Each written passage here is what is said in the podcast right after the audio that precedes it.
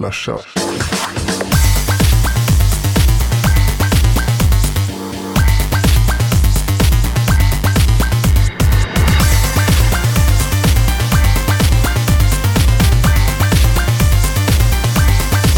Slasha. Ja! God morgon, god morgon och välkomna till Slashat, din boj i bukten. Vi är ingen boj i bukten, men vi är en, eh, en machete i den stora teknikdjungeln helt enkelt. Det är jag är ena jägaren och Jeppe är andra jägaren, Jesper. Pew, pew, pew. Och vi låter enastående bra idag, Jesper. Ja, vi låter i alla fall likadant som, som, eh, som eh, vi gör på riktigt, höll jag på att säga. Ja, det gör vi ju faktiskt. Så nära det kan bli, tror jag i alla fall. Ja, vad är det vi samlar om, Tommy? Ja, vi har ju köpt nya mikrofoner som ni kanske hör. Efter rekommendation från Leitet och Linux-professorn så har vi köpt eh, Blue Snowball. Ja, det är ju singularis, men det är ju pluralis. Vi har köpt två stycken. Du, du. Ja, de i chatten, eh, jag visar upp den snabbt här i, i, eh, i webbkameran så ser de hur den ser ut. Den ser ut som en Precis. snöboll. En ordentligt, ordentligt stor snöboll. Stor som en apelsin ungefär, så vet ni det också. Och, jag, och, jag, ja, och så här låter jag på riktigt. Jag har ju kört med ett, ett gamer-headset innan som kanske inte har prioriterat riktigt eh, ljudet.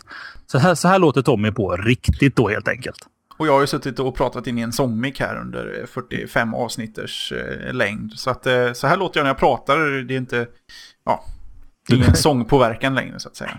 Som, som, som det brukar vara. Det, det, det sjunger ju det du säger i vanliga fall. Ja, eller i alla fall jag brukar nynna någon sorts eh, Nintendo-melodi eh, strax innan vi börjar sända varje vecka. Och bara så ni vet, vi sänder ju faktiskt live varje tisdag också. Eh, 20.00 eh, börjar vi på live.slashat.se. Börjar 19.30 med lite försnack och 20.00 det är då stora röda rekordknappen börjar. Så prenumererar du på podcasten så har du just missat 30 minuter försnack. Så vet du det också.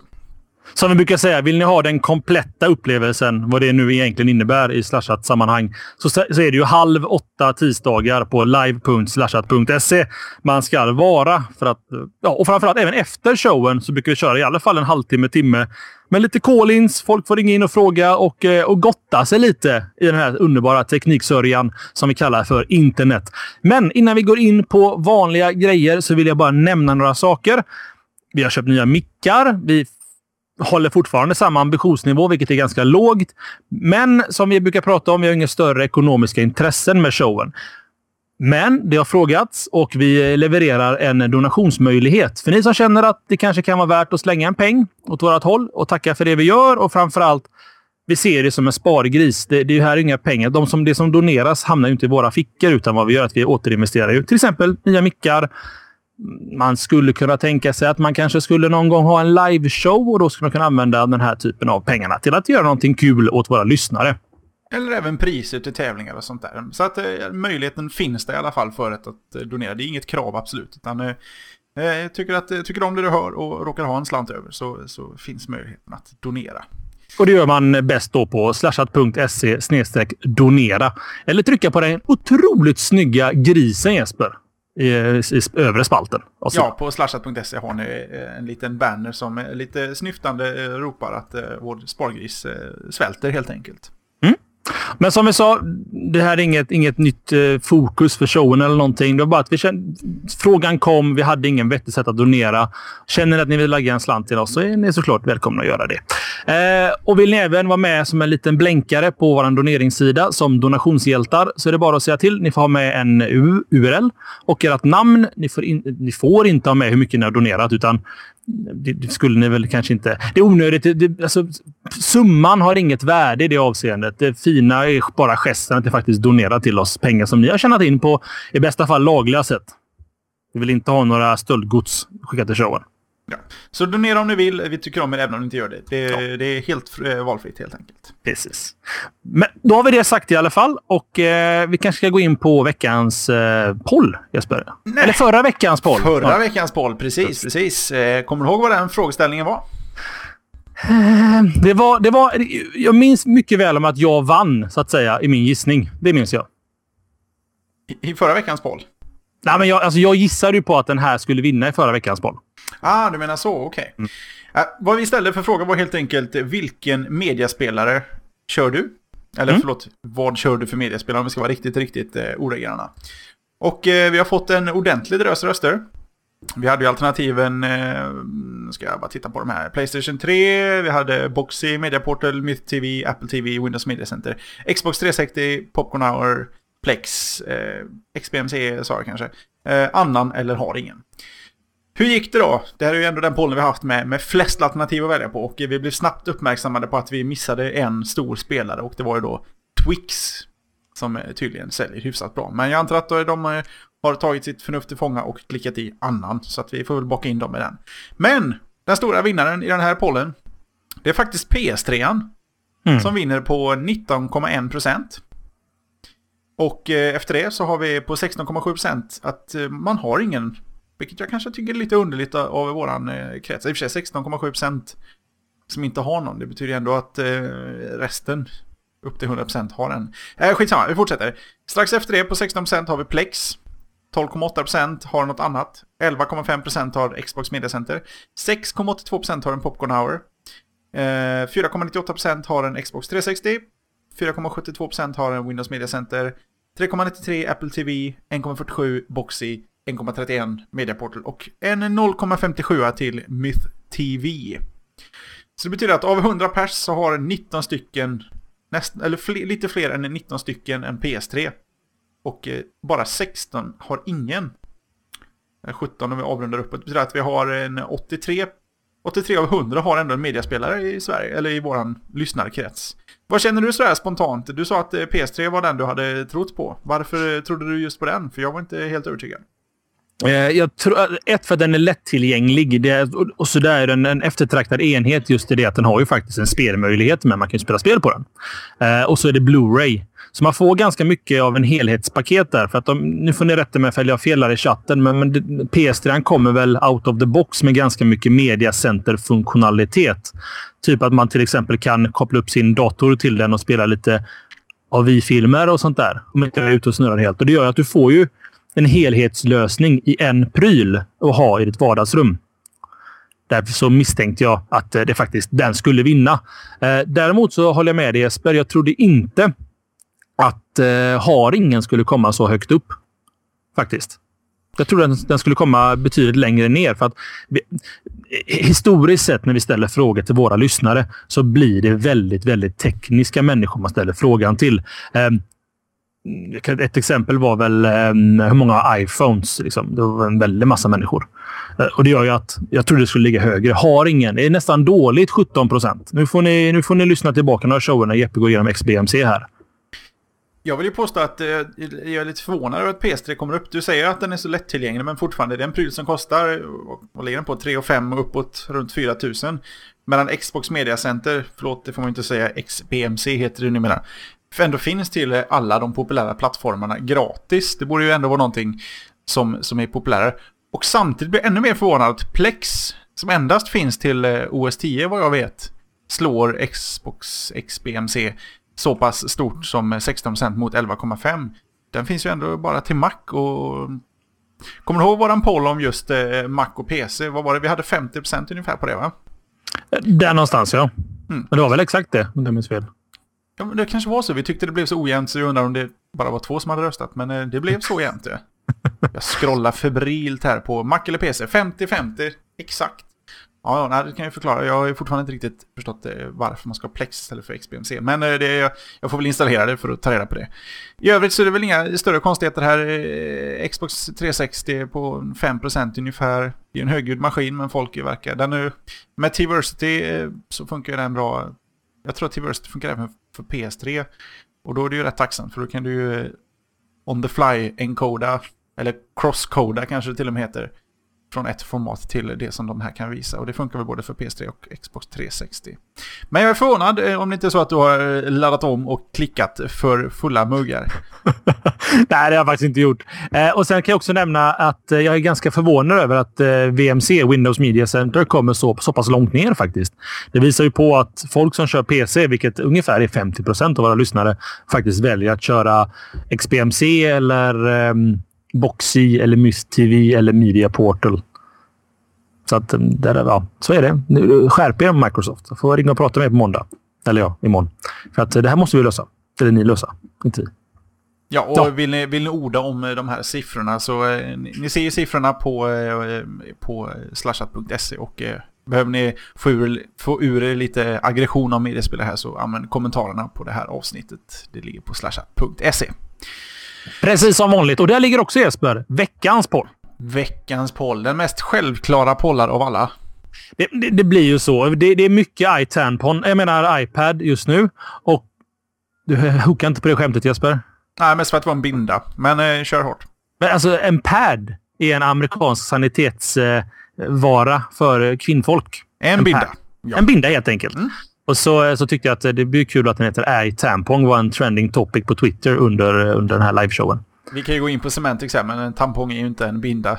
Det här är ju inte saker vi ska diskutera i en tech-podcast, så kör för, för guds skull vidare så glömmer vi den där stunden. Så det, det var veckans kvinnohörna i eh, Slashat. Nu går vi vidare till allas hörna, kan vi säga. iPaden, helt enkelt. Frågeställningen är ju den självklara. Hur het är Apples nya produkt iPad? PAD. Är den het eller är den sval? Vi förstår att ni inte har den i handen. Det finns 50 stycken i världen just nu, men utifrån era förväntningar, utifrån vad som levererades, utifrån pris, utifrån jadda Het eller sval?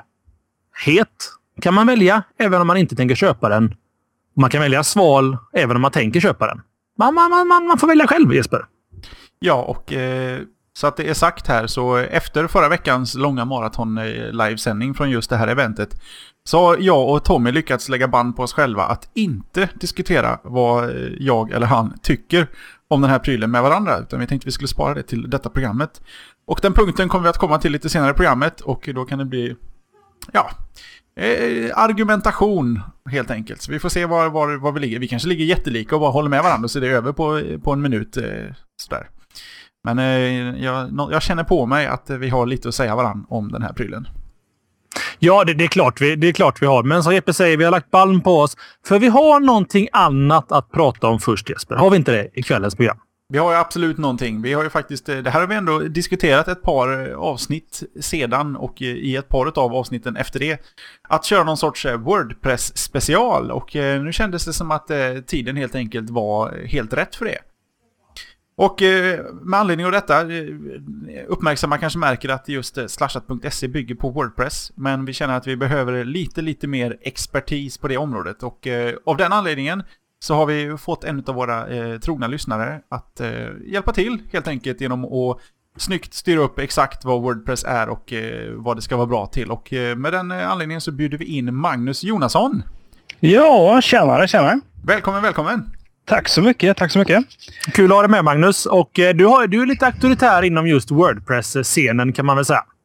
Ja, jag har ju hållit på några år med det sedan 2004 så att ja, jag har väl stött på de mesta fällorna som går att gå i tror jag. Om en Wordpress-installation går fel så vet du ungefär vad det är du ska göra så att säga. Det kan man säga. Mm. Precis, och med den anledningen, alltså frågan kom ju upp egentligen mm. från vår liveshow från eh, Nexus One. Där vi frågade vår publik då, vad vill ni att vi ska göra? Och då var det många som ville ha en Wordpress-special.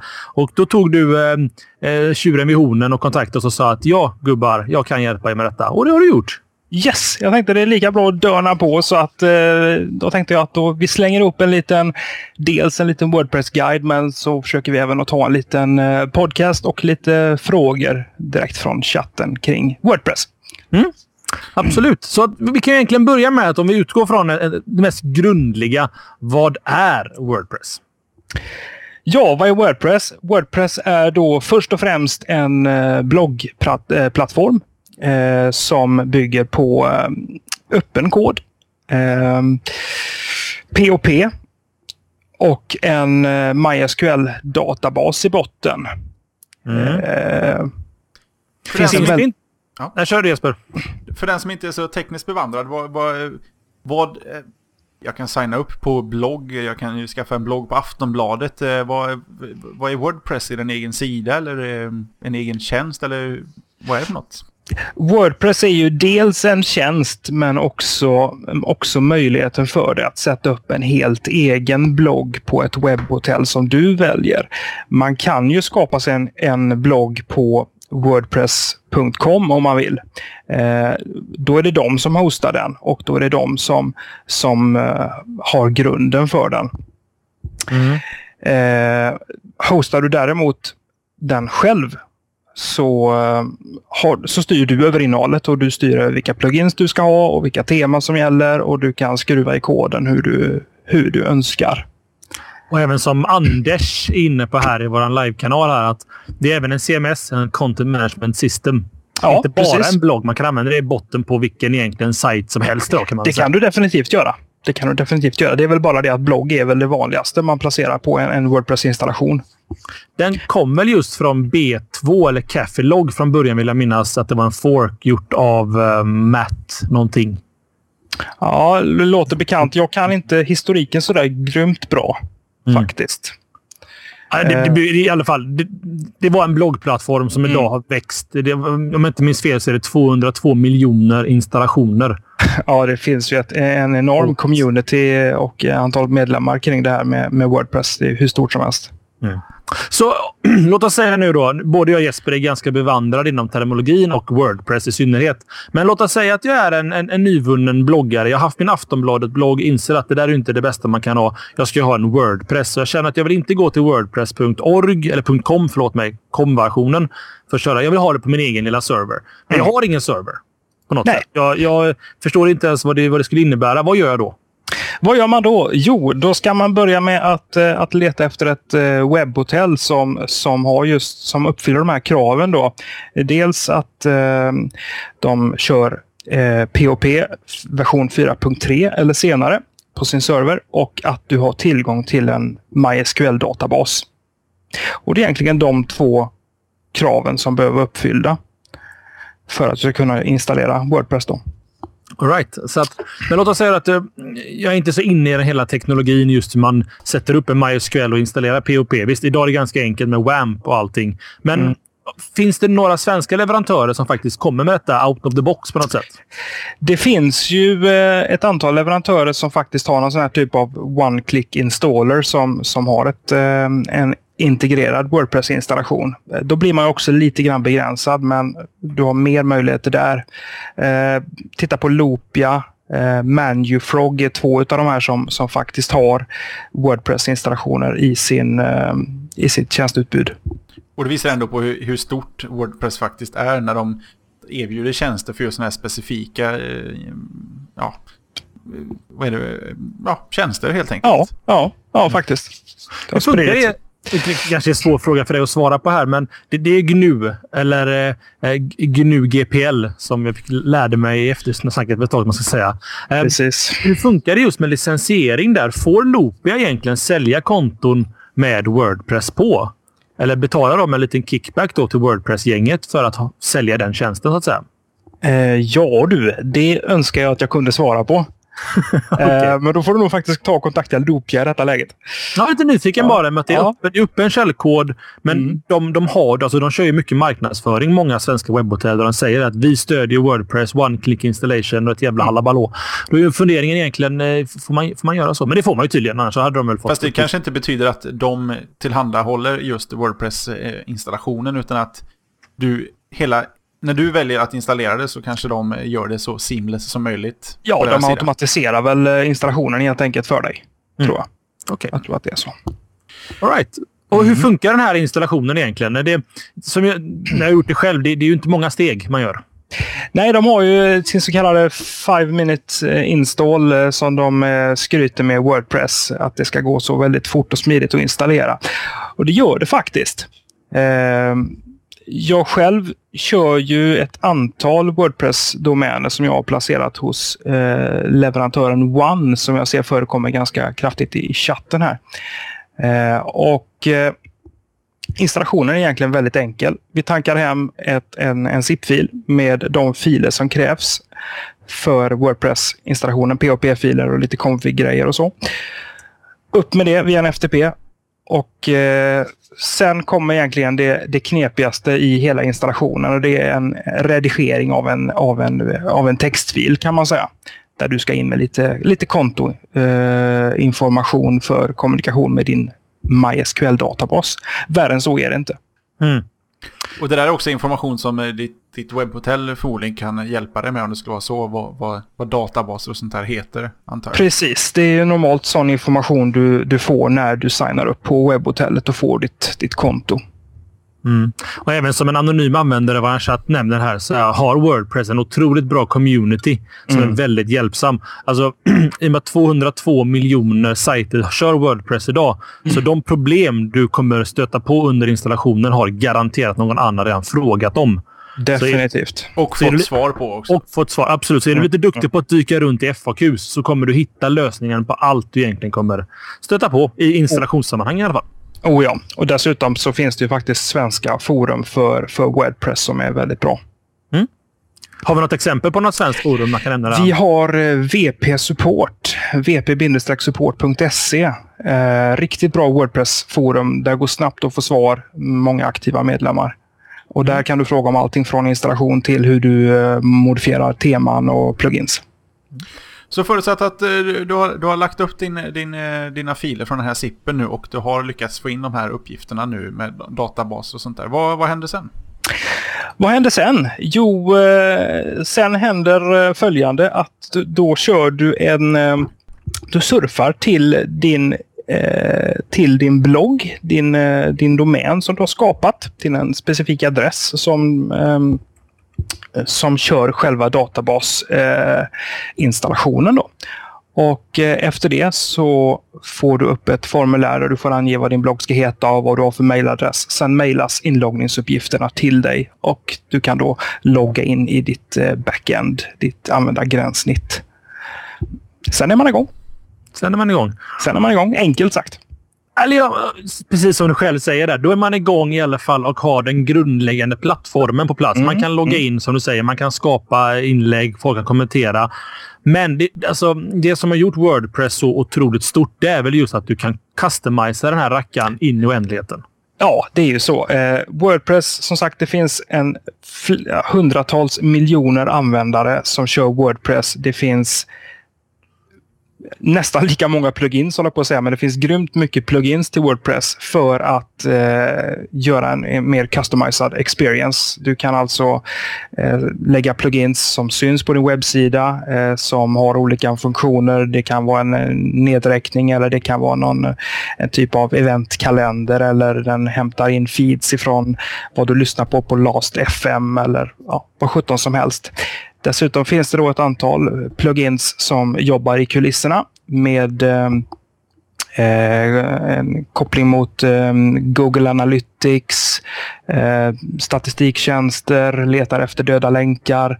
Eh, det finns eh, för att skapa mobil och eh, iPhone-versioner av din sajt, mängder av plugins. Dessutom teman till förbannelse. Och ett tema i det här sammanhanget är då att du byter utseende på din blogg kan man säga. Ja, det grafiska gränssnittet mot besökaren. Precis. Mm. Och det är där någonstans när, när Lotta 25 som ska blogga kläder, när hon har fått upp sin Wordpress-blogg, det är, är, är det korrekt att anta att man ska börja med att hitta ett tema innan man börjar redigera så att säga, ändra i ja, feeder och sånt? Det är definitivt är det så därför att eh, teman finns det en eh, strid ström av och det tar verkligen aldrig slut. Det finns, du kan vara unik med ett tema men du kan också väljer du bland de mest populära sajterna så hittar du teman som, du, som många andra väljer. Eh, men teman finns alltid och du kan när du har lärt dig lite mer då eh, customisa dem. Mm. Som jag brukar säga till Tommy och även i samband med just Slashats eh, hemsida, slashat.se, att, eh, att hitta rätt tema för sin hemsida, det, det är 50% av jobbet gjort. Man kan hitta ett tema som gör väldigt mycket åt den i och med att temat bestämmer också hur innehållet presenteras. Så mm. hittar man bara rätt tema så är halva jobbet gjort för hur man vill att det ska se ut. Mm. Och visst är det så. Det finns ju dessutom en väldigt massa teman som har mycket mycket inbyggda eh, inställningar för att ge dig ytterligare inställningsmöjligheter. Då. Mm. Vi är väldigt positiva alla tre till Wordpress, men jag ska ändå spela lite djävulens advokat där och just säga att ibland kan jag tycka att teman har lite för mycket makt över själva bloggen. Eh, jag ska inte komma in i något filosofiskt här, men just det att du blir väldigt knuten till ett tema när du börjar arbeta med den. För att du gör ju ändringarna i själva temat. Och Det gör också det att det blir väldigt svårt att uppdatera ett tema. Eh, jag skulle vilja se någon intressant lösning kanske. De jobbar mer med CSS kanske uteslutande. Ja, det finns det ju faktiskt. Det börjar ju faktiskt komma mer och mer teman med eh, inbyggda CSS-editorer i. Där du, mm. där du kan eh, addera CSS-kod som lagras i databasen och då behålls vid temauppgradering. Faktiskt. All right. Det där är väldigt intressant, för det är mm. någonting jag själv kan känna att man... Det, det blir mycket hacking i själva temat. Mm. Till den gränsen att man inser efter en stund att jag kommer inte kunna lämna det här temat. För att, å andra sidan, man knyter tillbaka till vad Jesper sa, har man bara en klar bild innan och väljer rätt tema från början så är det mm. inte så svårt. Om vi, om, om vi går tillbaka lite här bara. Eh, nu, nu börjar vi bli lite avancerade här. Om tänker, nu, har, nu blir det tyvärr så. Eh, Lotta 25 som ska blogga om kläder. De har fått upp sin blogg, hela grejen. Hur är, jag menar, hon kan gå in på sidan och se hur den ser ut, men hur, börjar, hur fungerar det rent, rent tekniskt att börja fylla den här med innehåll? Hur går man tillväga där? Jo, varje Wordpress-blogg som du sätter upp har ju då ett administrationsgränssnitt som du når via en, via en webbadress. Eh, och där loggar du in med ditt användarnamn och lösenord som skapas när du, eh, när du installerar bloggen och lagt upp dina POP-filer. Man får alltså eh, välja lösenord, namn och lösenord vid den biten så att säga? Ja, du, du, får ett, du blir tilldelad en, en, ett användarnamn som är admin och sen får du ett lösenord mejlat till dig som är slumpat. Då. Men det där kan du givetvis ändra efter eh, när du väl har loggat in sen. Eh, I det här administrationsgränssnittet så har vi då full koll över, eh, över hela Wordpress-installationen. Det vill säga vilka, eh, alltså alla inlägg vi har gjort, alla kommentarer vi får, eh, fasta sidor, backup av databas, plugins, teman och så vidare. Mm. All right. Eller Jeppe, vill du komma in? Ja, jag tänkte det, det, som man sen, sen när allting är färdigt här, vad, vad, man, vad det man sysslar med, det är egentligen sidor och eh, eh, inlägg. Ja, det är, det, det är egentligen som en, som en blogg är uppbyggd av. Sidor, inlägg, bilder, eh, eh, fotogallerier, you name it. Det finns ju dessutom teman som, som inriktar sig på eh, fotografer och eh, på foton för att presentera foton på bästa sätt. Eh, och andra teman som är inriktade på, på ren text eller en blandning av de här. Du pratar lite om plugins här också. Det finns ju någonting som heter widgets som har gjort hela plugin-biten lite enklare. Japp, det stämmer. Eh, widgets är ju någonting, det är en typ av, om man tänker sig Windows Gadgets där du har eh, din högerpanel, om man tänker gamla Windows Vista, då, där hade en, en högerpanel på skärmen där du hade dina gadgets. Jag gillar hur du kallar Vista gamla Windows. Det är bra. Ja, men visst är det så. visst är det helt ute nu. Och motsvarande widgets finns då i Wordpress-sfären. Och en blogg har normalt sett dels en huvudspalt, men också ett sidofält där man tänker sig att du har en, en meny då, eller du har, eh, ja det är väl lite grann av det ni har på slashat.se. Som eventkalender och de här grejerna du nämnde lite tidigare. Kan man ha Precis, om man vill. Japp.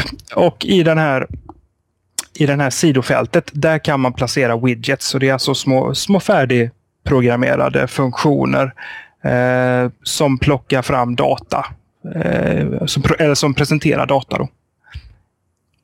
Och det är betydligt enklare att administrera än det var tidigare då? Ja, det är det ju definitivt därför att du behöver ju inte, du behöver ju inte göra någon, någon kodning själv utan du, det är dra och släpp-tekniken. Du installerar en plugin, den blir tillgänglig som en widget och du drar och släpper den där du vill ha den. Och den kan visa senaste kommentarer, senaste inlägg, eh, ja, mängder med funktioner.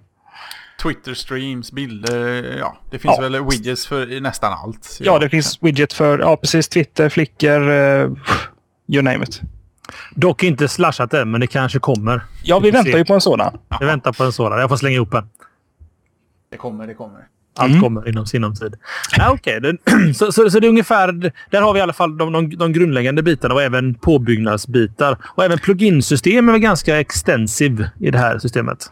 Ja, precis som teman så finns det ju en, en mängd av plugins. Eh, vad man ska passa sig för när det gäller plugins. Alltså, är man ny på Wordpress och väl börjar hitta plugins så laddar man hem allt man ser. Och eh, en fälla är ju att ha för mycket plugins. Mm. Eh, och Det spelar egentligen ingen roll om de är aktiverade eller om de är inaktiverade. Eh, har du ett plugin som du har laddat upp så kan det eh, påverka prestandan på din sajt. Så att ta det lugnt med, eh, med hur mycket plugins du installerar. Ja, det, är en ganska vanlig fälla. Man hamnar i den fällan i många olika sammanhang. Att man, man öser på. Man blir lite greedy nästan. Man mm. kastar in allting. Men ja, som Jeppe, en gång som Jeppe sa, ska du göra en blogg så tänk igenom från början. Rita på ett papper. Vart, hur ska min se ut? Liksom? Vad har jag för önskemål? Vad jag vill jag ha med? Mata inte på saker bara för att det är enkelt att göra det, utan försök ha en någon typ av eh, tanke bakom så kommer man ganska långt med det. Ja, visst är det så. Det får ju finnas någon, någon rim och reson. Vem vill jag nå? Vad vill jag, vad vill jag få ut för budskap? Och så inte bara ösa på för mycket för att då, nej. Om vi går och kollar på lite det här eh, som, som jag pratade, om, sidor och inlägg. Sidorna, infon på sidorna sparas ju i databasen precis som inlägg. Det är därför all den här informationen man knappar in i början under installationen har just med databaskopplingen att göra. Mm. Eh, hur fungerar det? Jag antar att den som vill blogga, speciellt då Lotta25 som vill blogga kläder, vill kanske slänga in väldigt mycket bilder. Mm. Eh, finns det något system helt enkelt i, i Wordpress eh, för att hantera bilder? Det finns ju det. Det finns ju ett eh, galleri i Wordpress eh, och Wordpress innehåller dessutom en egen bilduppladdare så du behöver inte ladda upp bilder via en FTP-klient eller på annat sätt. Eh, givetvis kan du länka till bilder om det, om det är okej, okay, att det inte finns någon, någon någon som säger någonting annat i andra änden om man säger så. Men du kan alltså ladda upp dina foton via Wordpress och de sparas på din FTP. Eh, och lagras dessutom i Wordpress-databasen eh, sökvägar till de här bilderna så att du kan söka dem och du kan nå dem därifrån för att återanvända dem då i senare inlägg. Mm. Det är bra att veta. För jag menar, det händer ju ändå att man återkommer, i alla fall som på Slashat, eh, vår uppsnappat-funktion. att Det händer ju att alla de här som vi postar där, att vi, pratar de till exempel någonting om Google så vill man ha en logga på Google, då behöver man inte ladda upp den igen. Då finns ju den redan lagrad. Precis. I, i just den här eh, CMSen helt enkelt. Mm. Sen ska vi väl nämna också att Wordpress finns på egentligen alla språk i världen då egentligen, va? Förutom kanske några små obskyra språk i inre Afrika. Ja, nej, men det är, det är väldigt spritt. Eh, dels finns ju själva Wordpress-installationen översatt till svenska då, eh, om vi, om vi tittar på den svenska marknaden som är intressant. Eh, så finns det ju direkt när Wordpress släpps i en ny version, vilket kommer några gånger per år, så kommer det en ny version som du dessutom bör uppgradera till, för det är oftast säkerhetsuppgraderingar. Men då finns det en svensk eh, version på den och den laddar du upp på din FTP, ersätter befintliga filer. Eh, och dessutom så har du eh, mer och mer teman som faktiskt blir eh, översatta till svenska. Mm. All right. Hittar du inte ditt tema översatt till svenska så gör du det själv. Ja, hur... Det gör jag. Om man säger att man är... Man, man har en ganska... Inte den bästa POP-kunskapen, men man förstår i alla fall POP som grundspråk. Är det svårt att sätta sig in i det, tycker du? Eh, nej, faktiskt inte. Eh, jag tycker inte det är så svårt. Alltså, normalt sett, hittar du, hittar du rätt bland teman så ska du inte behöva gå in och, och hacka för mycket i POP-koden heller. Utan eh, eh, vill du översätta så är många teman, teman numera eh, har stöd för olika språkfiler och då finns det separata program där man skapar de här textfilerna då som innehåller alla språksträngar, alla, alla textsträngar i eh, svenska språket. Mm. Spännande. Och eh, som vi pratade lite om innan, Wordpress är ju ganska vida känt. Har du några bra exempel på sajter som faktiskt kör Wordpress idag? Förutom då slashat.se som egentligen är den största av dem. Ja, men visst är det det. Det är ju den största. Eh, Spotify kör ju Wordpress. Mm. Till exempel. Eh, vad har vi mer? Det finns ju en uppsjö med sidor som kör Wordpress. Eh, det är ofta ganska duktigt eh, dolt också vill jag påstå. Ja, faktiskt. Alltså, man ser inte alltid att det är en Wordpress-installation om det är ett, ett, ett tema som um, är customizat.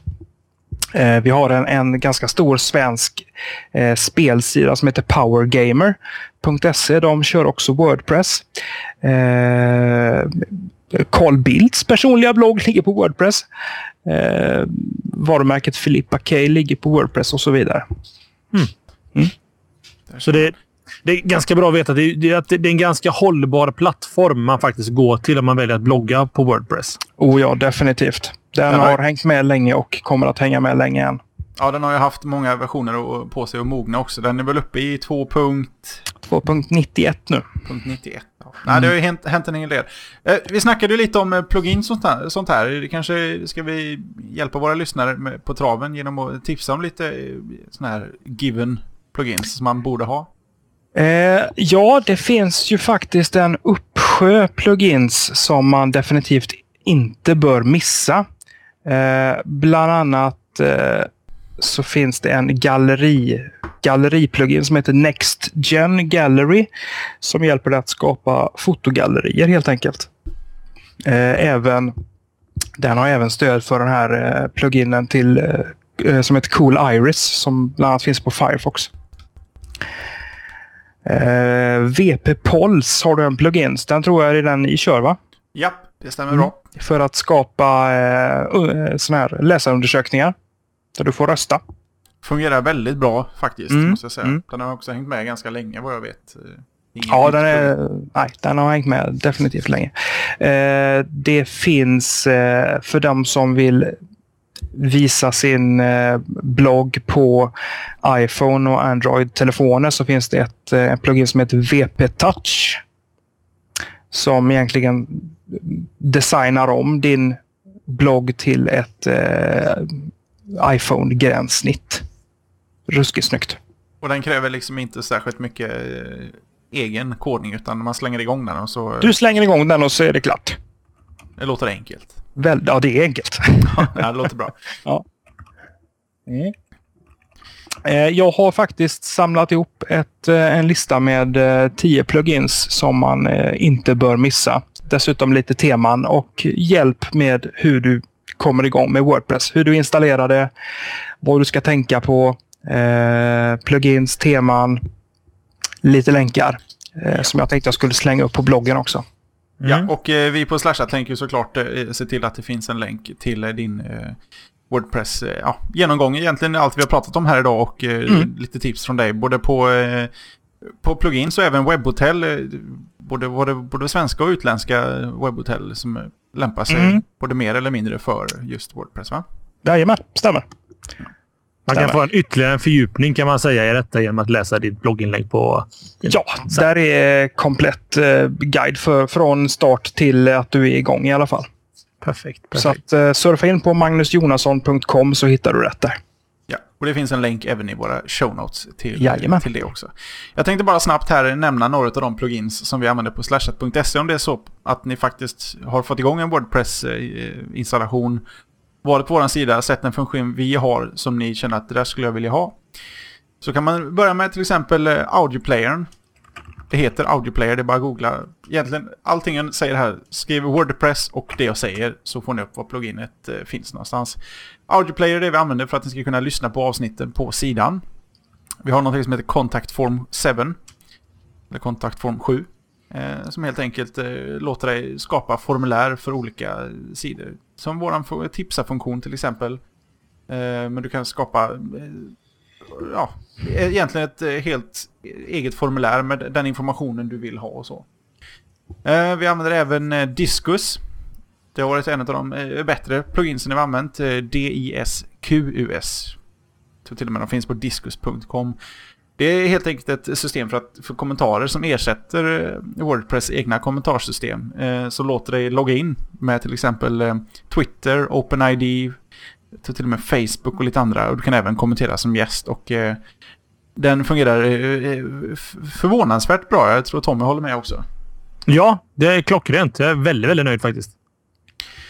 Om vi går vidare så har vi några eh, lite mer obskyra, typ exclude pages. ehm, som helt enkelt, du vill skapa sidor som inte syns i menyn. För automatiskt i Wordpress så skapas det ett menyalternativ för alla sidor du skapar. Och eh, ibland kanske man inte vill att de ska synas utan man ska kunna hamna på dem utan att de finns i menyn. Sen har vi något som heter eh, Page Links to. Det betyder att du kan skapa, i vårt fall ehm, så har vi en, en menyknapp som heter prenumerera via iTunes. Och den tar det då direkt till iTunes. Så det är ett sätt att få en länk i menyn att helt enkelt peka eh, externt utanför vår hemsida. Post template, det är om du postar eh, inlägg som ser väldigt lika ut. Eh, ja, som bygger på en sorts mall. Då kan du skapa en mall med post template som du alltid kan utgå från varje gång du postar ett nytt inlägg. Fungerar väldigt bra. Shockingly Simple Favicon är precis exakt vad det heter. Det gör det enkelt att göra en favicon, den här lilla ikonen som ligger bredvid ditt bokmärke och även till vänster om eh, webbadressen uppe i adressraden. Mycket enkelt. Mm. Sociable använder vi också. Enkelt plugin för att eh, i slutet av alla inlägg lägga till en lista där man kan dela med sig utav det som, om man tycker det är intressant det man läser, så finns den här automatiskt att du kan skicka vidare den här informationen via Twitter till Facebook. Du kan mejla den, du kan till och med skriva ut den och det finns just i Sociable så har du nästan 70 olika sådana här sajter där du kan dela med dig av det här. Det det gäller Pusha, det funkar med eh, Reddit, det funkar med Mashable, alla de här stora eh, sajterna helt enkelt. Och ska jag se om vi kan sammanfatta här. Eh, Tiny MCE, ett program vi använder också. Det ger dig mer redigeringsmöjligheter när du postar en inlägg. Du kan eh, redigera text, lägga in vad heter det, tables. I, lite mer möjlighet att redigera ditt inlägg. Wiki Dashboard används väldigt, väldigt mycket på Slashat. Det är alltså ett sätt att inifrån det här administrationsgränssnittet som vi använder eh, för vår del skriva show notes, eh, allt som vi behöver veta inför varje avsnitt. Så att där kan man ha information. Den syns inte på sidan men du har alltid tillgång till den där. Och till slut VP Polls som Magnus nämnde här. Eh, det är det vi använder helt enkelt för veckans poll. Fungerar väldigt, väldigt bra. Och går också att eh, customisa precis som man vill. Absolut. Och eh, som Jeppe är inne på, det, här, alltså det, det, är en hel djungel det här. Och vill ni på något sätt hitta en liten minimachete i teknikdjungeln så ska ni gå till Magnus sajt och läsa inlägget där. Där finns allt. Och läsa egentligen, Magnus, va? Jajamän. Eh, där är ju som sagt eh, från uppstart, alltså från det att du väljer ditt webbhotell, du laddar hem själva Wordpress-installationen eh, till hjälp med att välja teman, plugins, och att komma igång och skriva sitt första inlägg på en egen Wordpress-blogg. Är det någonting vi absolut har, precis, någon jätteviktig grej vi har missat här vad gäller Wordpress i, i lilla genomgången? Oj, oj, oj. Alltså, det var en enkel fråga att droppa så här, sista minuten av intervjun. Ja, Nej, men kändes det som no det var någonting du glömde säga som vi, vi, vi är duktiga på att snacka, jag och Tommy. Att vi snackade över dig när du hade något väldigt, väldigt viktigt att säga om Wordpress som vi behöver klämma in. Jag har en sak att säga. Mm. Det är gratis. Vad sa du? Det är gratis. det är gratis. Det? Ja, det, det, bästa på nätet är ju gratis, precis som Slashat. Oh. Ja, visst är det så. eh, nej, men alltså Wordpress är gratis. Eh, alla teman är inte gratis som jag precis nämnde här i, i, i bloggen. Jag har precis gått och köpt med premiumtema för 500 spänn. Men eh, det går att komma undan med noll kronor. Det enda du behöver betala för är ju ditt webbhotell då, men det behöver inte bli speciellt dyrt. Uh, nej, alltså det finns ju hur mycket som helst att säga om Wordpress. Hur många timmar har vi? Det är egentligen slut här. så. ja, tyvärr. Ja. Men ska, ska, vi, ska vi ta av oss hattarna Jesper och verkligen tacka Magnus för det gedigna jobbet och en inblick i den underbara världen som heter Wordpress är man intresserad av just eh, webb, lägga upp en blogg och grejer så är Wordpress nästan det naturliga valet eh, att, att börja med. Och, och det, det, finns så mycket möjligheter att utveckla den till något riktigt, riktigt avancerat. Och skulle det vara så att ni, ni, saknar någon sorts information så har vi alltså länkar i våra show notes just till Magnus. Så att, eh, och du fanns också på, var det Magnus Jonasson? Magnusjonasson.com Där hittar ni även ännu mer information om just hur Wordpress funkar. Så att det är bara att ta sig dit. Jajamän. Ni är välkomna. Tack så mycket. Och jättetack till dig, Magnus, för din otroliga insats. Tack så mycket. Tack. Tack, hej. tack. Hej, hej. hej, hej. Sådär, det var Magnus Jonasson och magnusjonasson.com som pratade lite om Wordpress. Nu ska vi gå in i ordinarie, Jesper. Ja, mycket ord att snubbla på i samma mening där. Men vi ska in i ordinarie sändningsschema. Ja, underbart. Jag har hört att eh, du tar eh, första pucken. Ryktet går på internet och det är alldeles korrekt. Vi ska inte gå sådär jättelångt från Wordpress. Vi ska hålla oss eh, på enheter som kan titta på Wordpress-bloggar. Här har ni ytterligare en av de här otroligt grymma segwaysen. Är det någon där ute som vill klippa ihop alla våra dåliga segways genom året som har gått så lovar jag att, att eh, bjuda på någonting jävligt fint ifall du gör det. Hur som helst, Chrome OS Netbooks lanseras av Acer senare i år. Inte dåligt, va? Helt enkelt, Chrome OS är Googles nya operativsystem som är helt och hållet browserbaserat kan man säga, tror jag med gott samvete. Det innebär helt enkelt när du loggar in och kommer igång med din stackars lilla dator så har du egentligen bara en webbruta eller en, en webbläsare, en browser helt enkelt. Med den kan du således jobba med hela ditt operativsystem. Du kan ju använda Gmail eller Hotmail eller vad det nu kan vara för att kolla din mail. Och jag menar, jag installerar rätt mycket datorer och ju, ju mer år som går så att säga, ju mer känner jag att när jag fått upp min Chrome-installation eller tidigare Firefox-installation, synkat ner mina bokmärken, mina lösenord, mina cookies och allting, så känner man sig ganska klar. Visst, det finns alltid små grejer som man alltid måste installera. Pidgin kör jag till exempel och sånt där. Men det, jag brukar känna mig nöjd. Har du samma vibb, Jeppe?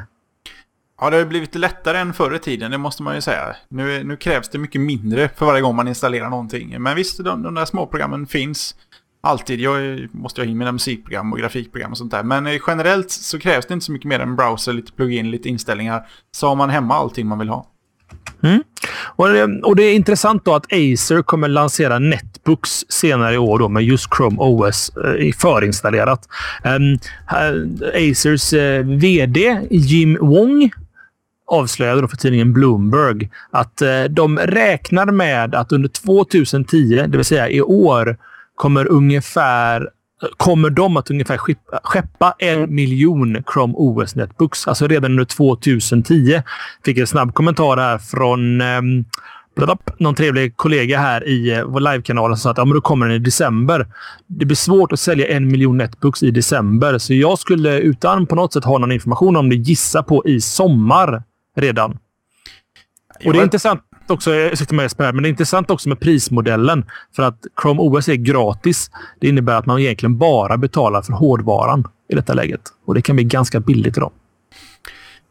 Jag tycker att en miljon eh, netbooks med Chrome OS innan 2010 är över känns lite högt, så att säga. Acer är ju inte... Eh, visst, de gör ju netbooks sådär, men de, de leder ju liksom ingen liga här någonstans. Så det skulle vara att det just är Chrome OS på det som skulle sälja det. Men eh, vi har ju sett statistik på hur Googles egna telefon säljer. Eh, jag vet inte, det, det, de, ja visst man ska sikta högt, absolut. Jag har ju fortfarande lite den här online-vibben att om det här programmet, Chrome OS, endast ska snacka med online-tjänster så kommer det lagga på ett sätt som jag inte känner är eh, tillräckligt bra. Kan du definiera lagga för mig? Vad menar du med lagga? Att eh, det tar alltid längre tid att gå till nätet än att gå till en hårddisk och läsa information. Ah, du tänker så. Jo, definitivt. Men jag tror att jag är, lite, jag är ganska Chrome OS-positiv här. Just det att uppstartstiden kommer ju vara ganska lika med noll. Systemet ligger som jag förstått det ganska mycket i RAM-minnet på datorn. Det krävs ju inte. Du har ju egentligen ingen utrymme på själva datorn. Det säger bara kabam! Så är datorn igång. Du kan surfa in och kolla din mail och stänga datorn. Du är klar på två minuter och eh, det är väl ungefär det man vill ha. Ja, fast om, om det enda som ligger på själva hårdvaran är OS så... Eh, att OS startar snabbt och sen måste den hämta all information från nätet. Tror jag hellre en dator som startar långsamt och så finns allting supersnabbt lokalt. Men du vet ju, jag har ju ett här uttalat eh, hat emot online-tjänster. Jag, jag, förstår att det är framtiden på något sätt, men eh, även med 100 megabit går det ibland långsamt. Eh. Är jag med dig. Mm. Du skulle kunna segwaya... Jag ska också nämna en grej till här. Att en miljon netbooks för Acer motsvarar ungefär 7% av deras netbook-volym under året. Så att de säljer rätt bra med netbooks, Acer. Så det är C-sagt i alla fall. Fast här måste vi också nämna att netbooks är en ganska ny... Eh, sen, sen eh, Asus släppte sin EEE-PC, vill jag tro att den heter, eh, så har det liksom fullkomligt exploderat. Varenda jäkla tillverkare har en netbook på marknaden. Ja, utom då Apple som vi kommer till så småningom här. Men jag tror att marknaden börjar mättas lite vad gäller netbooks. Snart har alla netbook och den håller i mer än ett halvår för det den gör. Så mm. jag tror att det där kommer stagnera lite grann. Latet säger det väldigt bra vad en live-kanal här. Vad gör jag när jag sätter mig vid min dator? Jag startar den, jag loggar in, sen startar jag Firefox. Sen så funderar jag på det vad jag skulle göra. och, det, och, det, stämmer ju verkligen. Linux-professorn föreslår porrsurfning här, men det, det, är ju egentligen det. Vi lever ju idag i våra browsers. Kolla med HTML5 och de, de möjligheterna som det kommer ge oss att skapa ännu bättre eh, Eh, webbapplikationer. Titta vilken bra applikation egentligen du har via Facebook. Oavsett om du gillar Facebook eller inte så är det en kompetent applikation. Den pollar i bakgrunden, den gör det den ska och alla är väldigt nöjda med den. Men det finns ju någonting kanske Jeppe som skulle kunna eventuellt döda netbooken. Ja, och då kommer vi till eh, sammanfattningen av förra veckans program, och, eller förra veckans livesändning. Apple tror ju, som de tidigare sagt, inte på netbooks. Det är långsam hårdvara eh, som inte kan göra någonting. Och eh, deras svar på det var helt enkelt en, eh, en tablet PC eller iPad. Som mm. helt enkelt eh, heter i Apple-sfären. Och vi satt ju där i fyra timmar vill jag minnas och eh, gick igenom eh, först en timme försnack och sen hela programmet, eller hela presskonferensen och sen lite eftersnack om vad vi kände. Och vi har ju som vi, vi nämnde här lite tidigare inte diskuterat riktigt eh, vad du och jag oss emellan tycker om den här eh, prylen. Men innan du och jag går loss här i någon sorts battle så kanske vi ska gå igenom lite vad, vad det egentligen var de presenterade. Skulle jag få göra en grej innan, innan det vi ska göra? Innan, innan? Ja, prova. Tacka de nästan 8000 människor som lyssnade på oss i onsdags. Det är nytt slashat-rekord. Det var nästan 8000 personer som lyssnade på oss under de här maratonsändningen vi hade. Det var, det var så mycket folk så att vi var tvungna att lugna ner chatten och se till att man bara fick skriva en sak per minut. Så jättekul, verkligen. Det måste vi ändå säga Jesper. Och tacka verkligen för intresset. Äh, absolut. Det, det, var ju faktiskt så att vi hade så mycket besökare att till och med Slashat som står med betongfötter på vår jord eh, vek sig. Alltså det, det blev sån massiv last. Eh, jag tror att eh, en del kom från Macworld som också led av samma problem, men eh, de la ner och vi fortsatte. Så vi är väldigt glada för alla som dök upp och hoppas att ni hade trevligt med oss där. Yes. Och nu in till vad är en iPad Jesper? En iPad är 24,3 cm hög, 19 cm bred och 1,34 cm djup. Och det här vet The Viso i vår livekanal, för han vann den i försnacket kan jag meddela. Alltså det gjorde han. Ja, en utskriven version av iPaden va? Ja, just det. Just det. Det är ju så här att eh, jag som tekniknörd och eh, Apple-fanatiker var tvungen att, få lite mer den här fysiska känslan av hur stor den här prylen är. Så jag lyckades faktiskt, jag jobbar ju ändå för ett tryckeri och eh, originalbyrå här, så att jag skrev ut en eh, iPad i, i högupplöst i, i sin ja, skala 1 till 1 helt enkelt, så stor den är. Och limmade upp på en liten eh, bit eh, wellpapp för att bara få känslan hur stor den är i handen. Mm. de är 24,3 cm höga, 19 breda, 1,34. Ja, jag fick ju inte prova djupet där, men jag måste säga att den var mindre i handen än vad, den, vad jag misstänkte att den var från det man såg på videostreamen från eh, Steves eh, presentation där. Men vad är en iPad då? Jo, det, det, är egentligen en, en, en eh, stor iPod Touch kan vi väl alla vara överens om så här långt. Det, det är en det är en dator utan tangentbord. Allting är, är mjukvara. Stor skärm. Eh, 9,7 tum stor till och med. Det är en LED-LCD med multitouch. Det, vet ni vad en iPhone är och en iTouch, äh, förlåt, iPod Touch är så är det en sån fast större helt enkelt. Eh, skärmen har en upplösning på 768 x 1024 i upplösning helt enkelt. Den kommer i tre olika storlekar. 16, um, 32 och 64 gigabyte.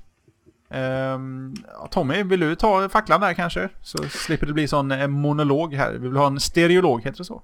Ja, precis. Om du bara säger vad var det sista du var inne på där, så jag eh, tar av där du tar vid. Jag drog eh, de olika varianterna med 16, 32 och 64 gigabyte lagring.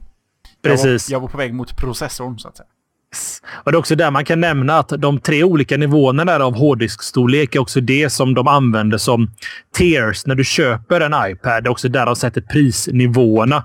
Till exempel då att um, Um, om jag inte minns fel, 16 gigabyte men bara wifi springer lös på 499 dollar. Så att med moms då och kommer till Sverige så ska vi räkna med en 6 000 i alla fall. Men vi kommer till priser lite senare. Vi har även en 1 GHz Apple A4-processor. Där fnittrade jag till. Faktiskt. Det är en A4-processor papper, A4. Kanske inte var tänkt så. Um, det är också någon tekniker som kom kommenterade att det enda tekniskt revolutionerande som Apple presenterade med sin iPad, det var just den här processorn. För tydligen så är den eh, ett genidrag ur en teknisk synvinkel, just hur den eh, strömsnålheten och hur mycket kraft de faktiskt får ur den här processorn. Vidare så har den ju naturligtvis en accelerometer. Ni som inte vet vad det är så är det att när du, när du tiltar eller vänder på den så är det som ett litet vattenpass kan vi säga som vet att du har vänt på den och så vänder bilden. Du kan även använda en accelerometer eh, för att balansera. Har du använt Nintendo Wii-board så är det inte samma teknik, men det är samma effekt kan man väl säga. Den har en ljussensor i sig. Den har 10 timmars batteritid vid blandad eller blandat användande. Eh, jag personligen tar sådana här siffror med en nypa salt. Jag fick lite flack via e-mail från det, från Mac-människor som säger att Apples tider brukar vara ganska fair Eh, när, när de väl lämnar en batteriuppskattningstid. Jeppe, har du lite erfarenheter från det just när det gäller Apple och deras eh, batteritidsuppskattningar? Alltså, generellt så brukar de stämma ganska bra, men man ska komma ihåg, speciellt med standby-tid, det, är, det är ju alltid en sån här ganska flaky nivå. Man tänker, så här har ju alla mobiloperatörer, eller alla mobiltillverkare gjort. Standby-tid det är om du har den liggande egentligen uppsurrad i antennen så du inte behöver söka nät särskilt ofta. Du rör den inte, du tänder inte skärmen och sådär. Och det gick ju lite rykten där också, det var väl därför vi fick lite flack om att nej, det sades minsann att man skulle kunna kolla 10 timmar video på den för att få just den batteritiden. Men det stämde inte. Utan vad, vad de rapporterade är ett, vid blandat användande, allting från kolla mail, lite film, skärmen avstängd, lyssna lite musik sånt där, så ska du få 10 timmar. Du ska mm. få över 10 timmar om du läser en, eh, en, en eh, bok. Eller en iBook, antar jag att det heter nu då. Mm -hmm. Jag vill du ta vid här? Ja, ja jag kan lika fortsätta här. Mm. Vad gäller knappar på den här, jag menar Apple, jag menar den här prylen, eh, tangentbordet är borta, så knappar det, det, det är det gamla, eh, det, det hör till det förgångna helt enkelt. Den har samma uppsättning knappar som en iPhone helt enkelt. Den har eh, volym upp, eh, volym ner, av och på-knappen eh, och den här eh, hem, home-knappen där nere.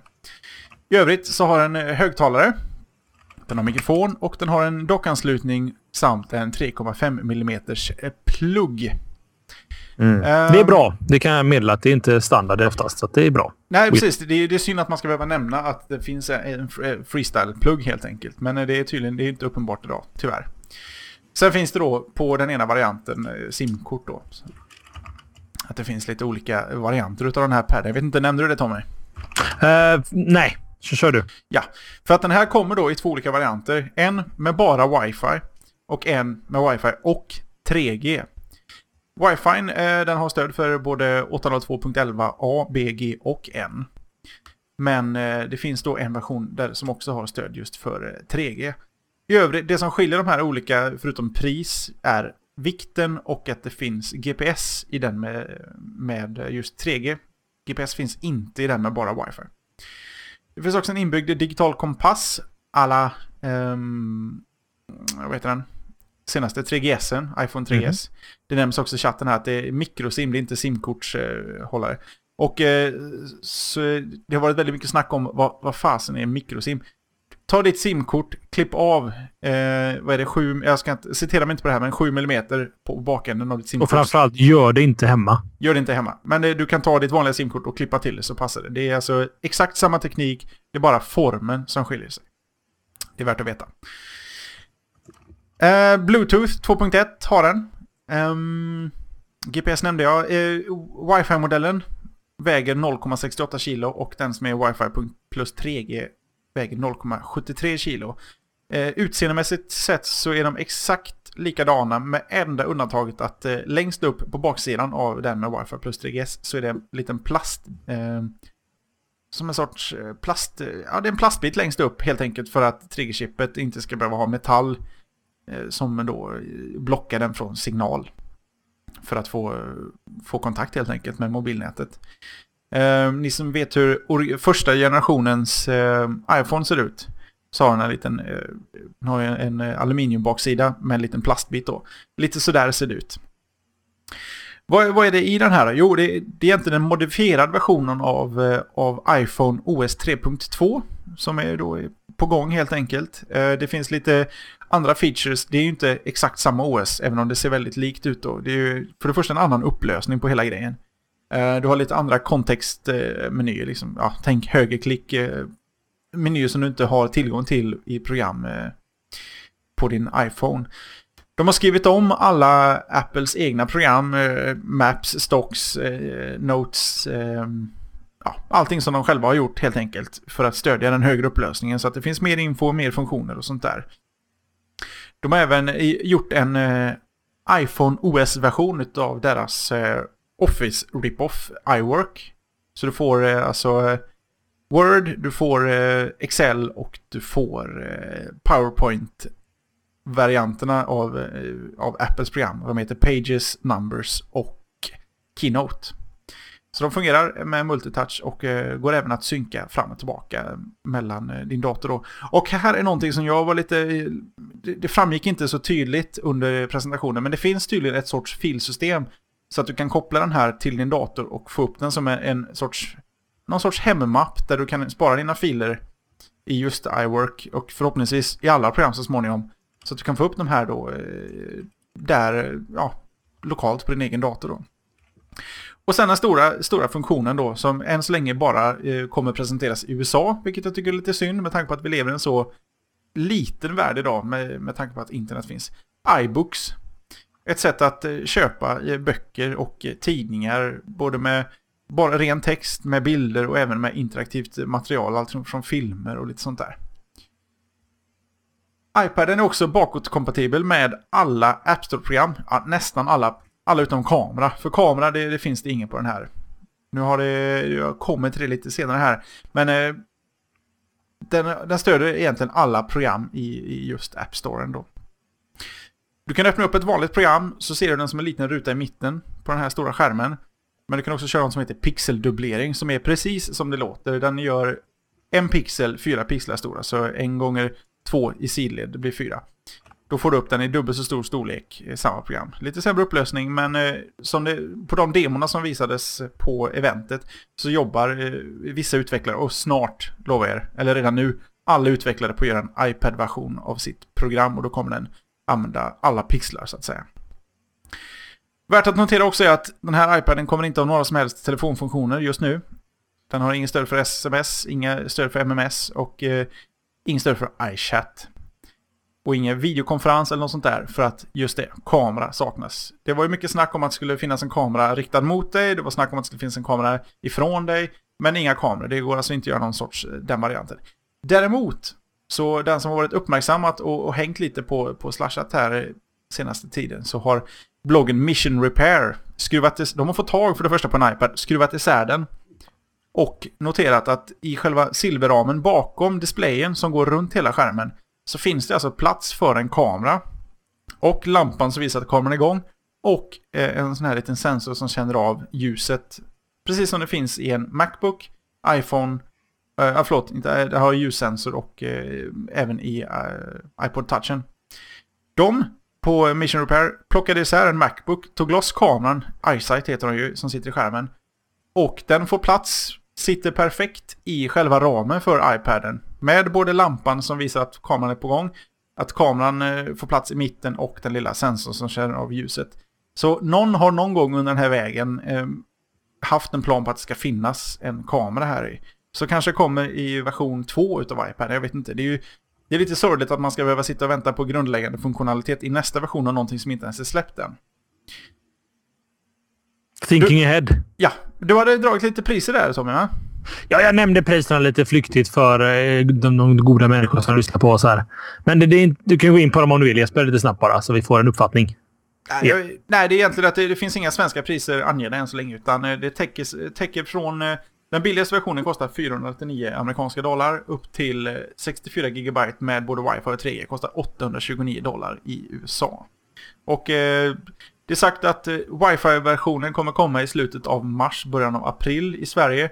Och vi i Sverige kommer få vänta på Wi-Fi plus 3G-varianten ända till juni tyvärr.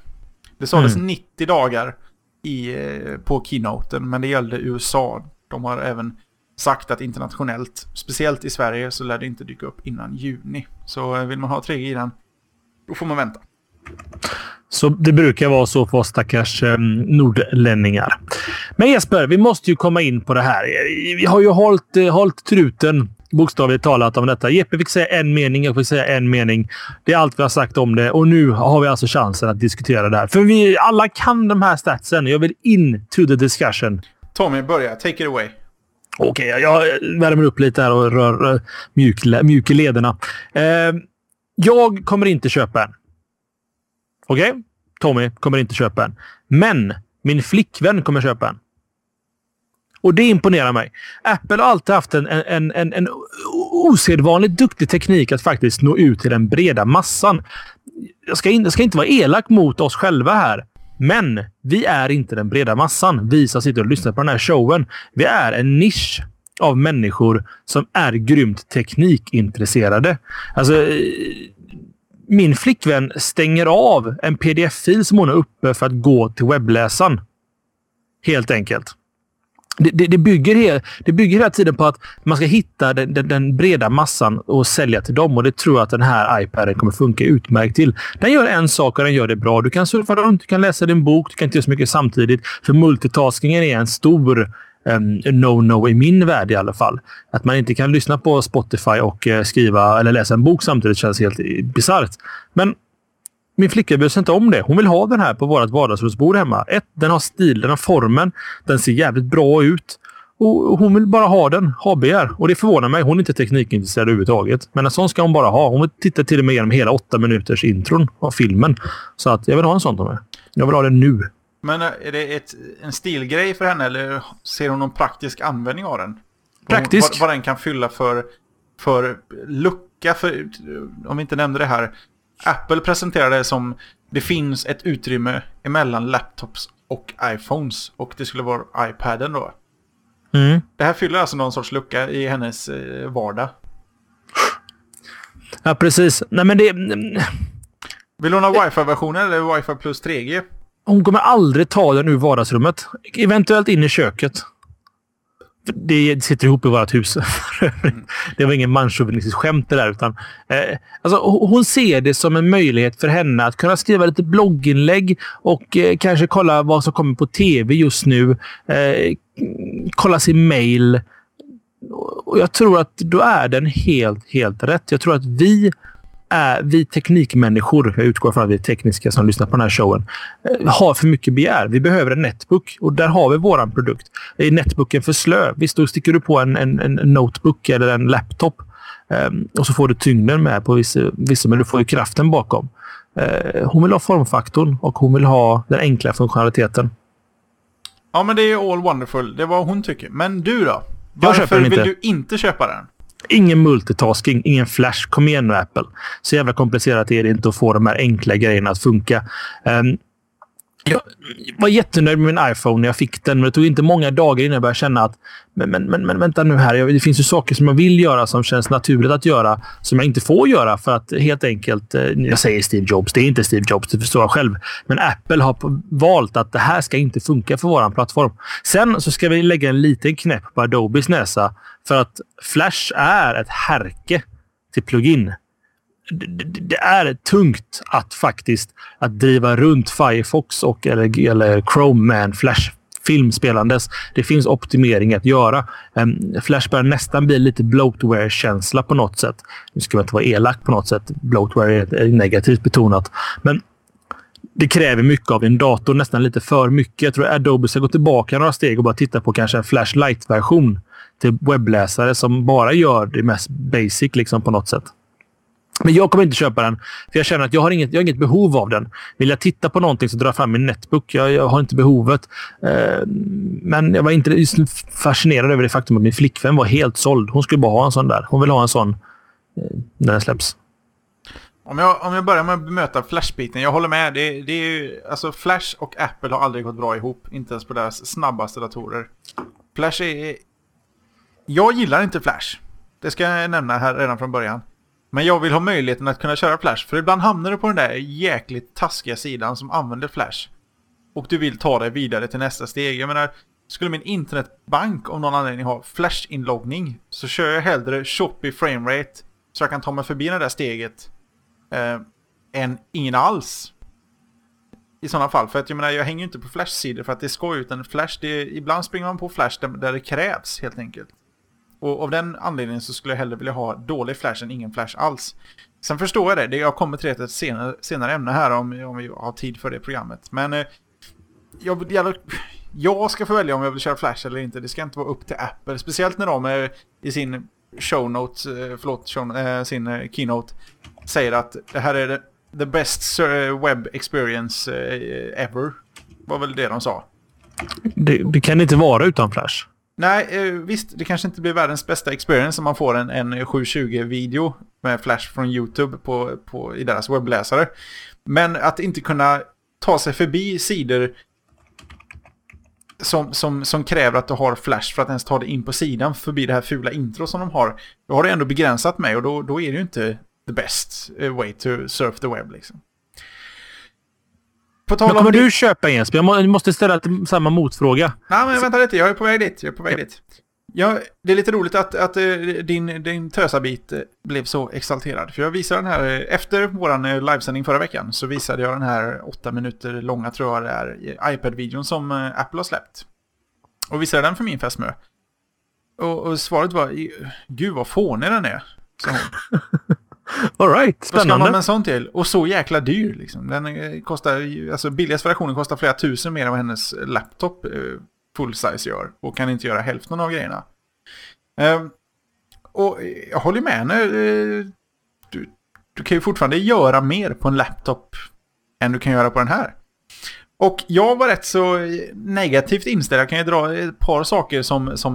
För det första ska jag också nämna så att bloggosfären, ordet jag hatar, men det är det enda rätt beskrivande ordet hade också ganska svårt för den här. Eh, spontant om man kollar på nätet så, så verkar det vara en två tredjedelar eh, tyckte att det var en liten letdown och resten tyckte det var en stor grej. Folk hade ju problem just med att det inte finns någon multitasking, ingen kamera, att, eh, folk hade, att Flash saknades, iPad, det lät dumt för det låter som en binda. Det finns ingen video ut, typ HDMI, du kan inte koppla in den till någonting. Om du inte köper en massa tillbehör du kan koppla in saker med USB men du måste köpa ett tillbehör för USB. Du kan, koppla in, du kan stoppa in ditt, eh, ditt eh, Compact Flash-kort och dina SD-kort om du köper ett tillbehör. Du kan skriva ett vanligt tangentbord om du köper ett tillbehör. Det är väldigt mycket tillbehör för att få den här att fungera fullt ut. Och sen tyckte folk i, i allmänhet att eh, widescreen det är det nya. Där kanske jag inte håller med dem, med dem om riktigt för att det är ändå en pryl som ska funka både på bredden och på höjden och eh, widescreen på höjden blir ganska det blir ganska smalt, alltså bokstavligt talat. Ja. Uh, men, jag var inte så sugen och jag är inte så sugen på att köpa den. Men jag känner mig själv, jag kommer eventuellt köpa en sån här. För jag, jag som jag nämnde här i förshowen också, jag skrev ju faktiskt ut en skala 1 till 1 av den här och satte upp på, på en eh, wellpappbit bara för att se storleken framför mig. Det är så svårt, man kan hålla upp sina fingrar och händer och, och allt möjligt för att få en uppfattning om hur stora saker är. Men det är inte förrän man ser den på riktigt som man förstår hur stor den är. Och den är liten och den är ju smidig, jag, jag håller med. Och fan, jag kommer nog köpa den ändå. Det, jag har ju alltid min laptop på vardagsrumsbordet så jag kan surfa, kolla mejl och sånt där. Men den här är lätt att, kommer vara lättare att ta med. Jag ser mig själv, jag flyger väldigt mycket, sitter väldigt mycket på flygplatser, mycket tid som ska slås ihjäl. Då är, tycker jag ibland att iPhonen är för liten och då känns den här rätt. Men, Men måste ja. fråga en fråga där. Du, tar alltså hell, du, du ser dig själv hellre ta med iPaden till en flygplats än någonting du inte kan vika ihop på något sätt, än en, en liten netbook? Hur, hur går resonemanget? Du kan liksom inte dra igång de applikationerna du vill på den här äh, äh, den iPaden. Liksom. Nej, men anledningen till att äh, tablets överlag aldrig har slått är att folk slänger in vanliga OS på dem och slänger på någon sorts funktion för att styra med en stylus eller med finger och det funkar sådär. Jag vet hur en iPhone funkar. Det, det vill, den, den, är mycket mer enkel att använda. Eh, det är som att dra upp sin laptop på, när du sitter på ett flygplan. Det gör man väldigt, väldigt sällan eller väldigt motstridigt. Man vill inte sitta där och bota upp och hålla på med sånt där. Utan det här kommer igång med en gång. Du, du kommer åt de grundläggande grejerna. Och jag känner att eh, jag skulle kunna roa mig med den. Jag sitter ju oftare. Jag har ändå haft väldigt många smartphones med allting från Windows Mobile till eh, UID eller vad heter det, UIQ på Sony Ericssons smartphones och sånt där. Och jag har aldrig sysselsatt mig så mycket som jag gör när jag har en iPhone. Ni ska se mig med en iPhone när jag sitter på en flygplats och måste vänta i fem timmar. Jag, jag suger upp det där batteriet med all möjlig lek. Och Mm. jag hade inte, och då ändå ute och reser med laptopen, då tar jag inte upp laptopen. För där, där har jag liksom inte... Det finns mycket bra i App Store helt enkelt som man laddar ner, som finns där. Spel, alla sorters funktioner. På laptop har du sällan så mycket olika saker installerade. Du har dina vanliga program, men inte det här rena tidsfördrivsgrejen som jag känner att det här kan den bli jävligt bra till. Mm. Det sagt, jag skulle aldrig, Aldrig! aldrig köpa wifi endast versionen. För jag skulle bli så jäkla sur på mig själv när jag sitter med den där eh, var som helst i Sverige och inte hittar någon VLAN. Och inga USB-portar har den väl heller, så att det, you're pretty fucked. Och här är också en sån fråga som jag väntar svar på som ingen har nämnt någonting om. Om det nu är en Apple-produkt, Apple-produkt ska funka så jävla bra med Apple-produkter. Kan jag koppla den antingen via USB-sladd eller via Bluetooth och tethera med min iPhone? Det hade varit jäkligt intressant. Jag är nästan övertygad om att iPhone OS 4.0, som jag tror kommer i sommar, eh, kommer att ha någon form av eh, det, seamless sync with your iPhone. De vore idioter ifall de inte gör det. Då tar jag tillbaka min aldrig. Då blir det en alltid! Nej men om man har en iPhone och köper wifi-version. Jag menar, jag skulle inte behöva ha två stycken Apple-produkter som har wifi, bluetooth, eh, kopplingar. En, till och med en produkt som, är, är, som sysslar med tethering. Jag kan koppla min Macbook men jag kan inte koppla min eh, iPad till. Jag menar, har man en produkt som kan snacka 3G e så ska det räcka. Det där ska ju gå att koppla ihop. Visst, nu är Bluetooth jävligt långsamt om man jämför med, med 3G-nätet. Men hellre det än ingenting. Och då skulle jag i och för sig kunna tänka, tänka mig ha en wifi om det funkar att eh, köra tethering. Men eh, vi vet ju alla hur, hur bra tethering har funkat på, på iPhones. Jag fick det i en version och så uppdaterade man så försvann funktionen. Sen fick jag jailbreaka för att få in den igen. För det verkar inte som någon egentligen riktigt, riktigt vill stödja tethering. Ja, jag håller med dig. Alltså, eller överhuvudtaget Bluetooth-stödet i iPhone tycker jag är ganska bristfälligt på alla möjliga sätt. Men eh, jag, jag, jag, om jag försöker titta på det. Det finns ingenting i en iPad som jag inte kan göra med min iPhone. Hur gick det för dig där Jesper? Den välte lite. Det får man. Eh, det finns ingenting i min iPhone som jag inte kan göra. Eller bakvänt. Det finns ingenting i en iPad jag inte kan göra i en iPhone helt enkelt. Jag känner att det här casual-surfandet, kolla mejlen snabbt i fickan on the go. eh, det räcker för mig med iPhonen. Jag behöver inte ha med mig en iPad. Om jag skulle köpa en iPad så skulle det uteslutande vara för att ha den in, in, in the confinement av mitt eget hus. Liksom. Som alla de som ringde in efter vår livesändning sa samma sak. Ingen kommer köpa 3G-versionen för att det här är en pryl du inte plockar med dig ut ur huset. Det är ett Jo. komplement till... Du ska få komma in Jesper. Det, det är ett komplement till istället för att ta fram din netbook, lyfta upp skärmen, bottiden och allting. Så klick, klick så är den igång. Du kollar vad som kommer näst på tv-programmet och lägger ner den. Nu Jesper, go! Go, go! Nej, jag måste säga jag var ganska förvånad över att så många tyckte att wifi-versionen räcker. Men sidan, det beror ju helt, helt på hur man, hur man använder datorer idag. Jag har ju som sagt, eh, det var någon som sa i chatten här, de brukar starta upp sin dator, eh, logga in, starta Firefox och så kommer de inte ihåg vad det var de skulle göra. Jag har alltid min laptop på, alltså alltid en halv meter ifrån mig när jag sitter i soffan, där jag oftast sitter helt enkelt. Så hemma fyller den ingen ny funktion för mig. Men i och med att jag reser en hel del så känns det som det är där jag kan, kan ha nytta av den helt enkelt. Och jag kommer inte hänga på låset när den släpps. Jag kommer nog sitta och, och, och, och vänta. Sitta, ja, vi ser lite först de första reaktionerna innan jag går på det. Och jag Mm. ser här, det nämns en och annan gång i vår chatt eh, att multitasking är en big eh, eh, dealbreaker. Och jag måste säga att nej, jag vill väldigt, väldigt gärna att det finns eh, multitasking på den här. Men jag inser också att det är ingenting jag behöver på min iPhone heller. Det är, det är ju sjukt att man inte får välja. Men jag har ju ändå en jailbreakad telefon, jag har background jag har de här grejerna så att jag kan köra saker i bakgrunden när jag vill. Men jag gör det inte för att det behövs inte riktigt. Jag, jag, jag, Men jag, vill väldigt snarare- gärna ha det, jag ska ändå få välja själv. Jag tror det. Alltså, jag, jag tror du har vant dig vid att inte kunna multitaska på en iPhone så att det känns naturligt. Alltså, jag kom in väldigt sent i iPhone-svängen i vad var det, augusti i förra året. Um, och jag kände direkt att, men vänta nu. Jag stängde av Spotify och nu vill jag starta vad det nu, webbläsaren och det funkar inte. Det känns, det känns som att man hoppar tillbaka till DOS-tiden när du bara kan ha en terminalruta uppe samtidigt. Mm. Det, det, det, var, det, blev så fel på något sätt. Jag ville verkligen... Alltså det känns som en så självklar funktion. Sen kan jag förstå också Apple att de vill, de vill ge den här ultimata användarupplevelsen med iPhone. De vill verkligen att det ska vara snabbt, responsivt, ska inte hänga sig allt för mycket. Men det är för guds skull en, en, en netbook de har byggt här i en tabletform. Det kommer... Alltså, den har processorn nog att stödja multitasking. Ge oss bara det på något sätt. Det, det känns konstigt. Jag, nej. Nej. Jag säger att de är i chatten här undrar om den kommer jailbreakas. Det kan ni nog allt hoppa upp er och sätta er på. Eh, ni kan utgå från att iPaden kommer jailbreakas the shit out of it eh, när den kommer. För att folk, ska, folk vill helt enkelt... Folk tycker, jag tror att eh, generellt tycker man att det, det, är en... Det är en ren skymf att man med en GHz processor inte kan köra åtminstone två program samtidigt. Ja, alltså jag, kan komma på hur många olika anledningar som helst när jag vill köra två program på en iPhone.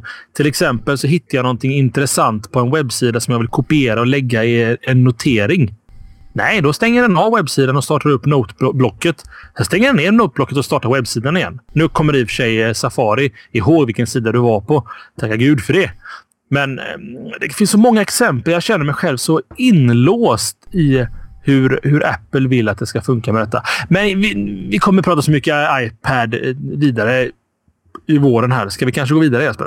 Ja, en sammanfattning bara. Så du och din, eh, din eh, fästmö, alltså som en grupp, kommer köpa en?